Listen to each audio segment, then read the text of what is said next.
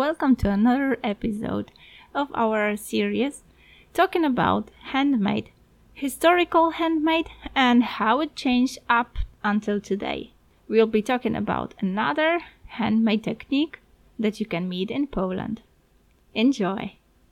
Handmade History and Present Times.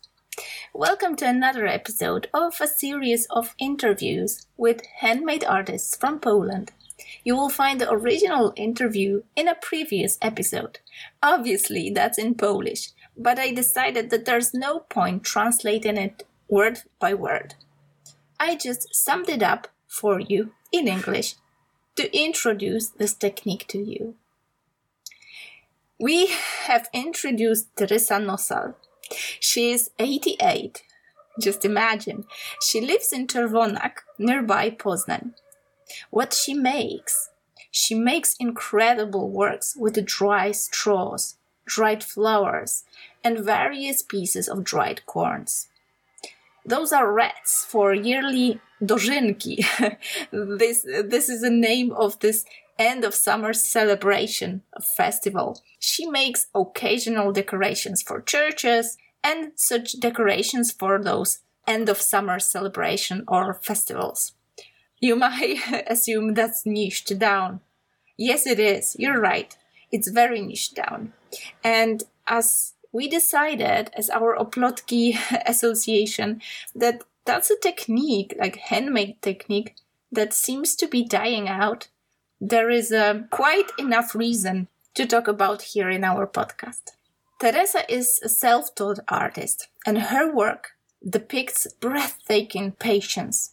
It feels that nowadays in our hectic paced times, there's not many people left with such a breathtaking patience. Straw after straw, and piece after a piece, one movement after another. A piece of handmade art ranging from 50 up to 60 or even up to 1.5 meters in diameter. Such work materializes in her hands.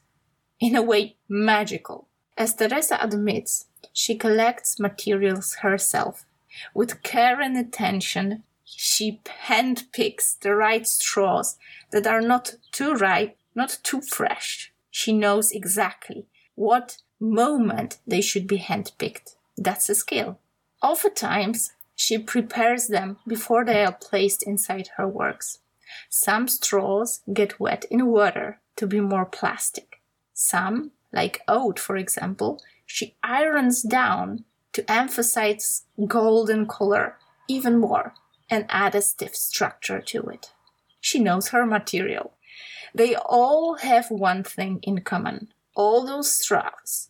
They need to be saved before combined harvesters irreversibly destroy corn structure, and she won't be able to use them in her works. Small decorative flowers, little rats used for Christmas decorations. Finally, huge works of art that she prepares for liturgies or harvest festivals during the end of summer. When preparing big works, she starts with a sketch on paper. This one to one model she then transfers to a wooden structural base covered with cloth. On such a foundation, she places all the minutest details of dried stalks, blades, ears, and flowers. She uses wood glue and hot glue sometimes to place them in the right order. Nobody tells her what it's supposed to look like. She designs that and does that all on her own. Her story of trial and error method for finding the perfect shape, motive, or materials that she uses in her works is a journey through stressful failures right before the end date for a given project and small victories when she managed to decide or design a perfect solution right on time. Her works are inspired by pilgrimages, church visits, random talks, and structures of natural, like nature or natural materials that she uses. Impressive works that take long, long hours are depicted by her as something that gives her a reason to live. She glows when she talks about her works. I must admit that it was a pleasure to sum up her her story. She remembers minute details and step by step process of how each of those works was made. I was impressed. I was full of admiration when she told the story of a work inspired by Poland entering European Union, a huge moving globe decorated with dried ears of oat and corn, topped by a blue flag decorated with corn stars. Just imagine a couple of liters container of glue that she needed for that. that might give you the idea of how much work she needed to put into this work. Traditionally, each harvest festival wreath that she makes at least once a year, as you may imagine, needs seven types of corn. You could listen for hours of how she delicately placed those pieces of linen, millet, oat, barley, wheat, corn pieces, one piece after another to create such beautiful, huge works. She mentions she has never had somebody come to her asking for lessons. As she admits, nowadays people lack in patience necessary for such work. They lack the heart and devotion, as she says. Hmm, do we?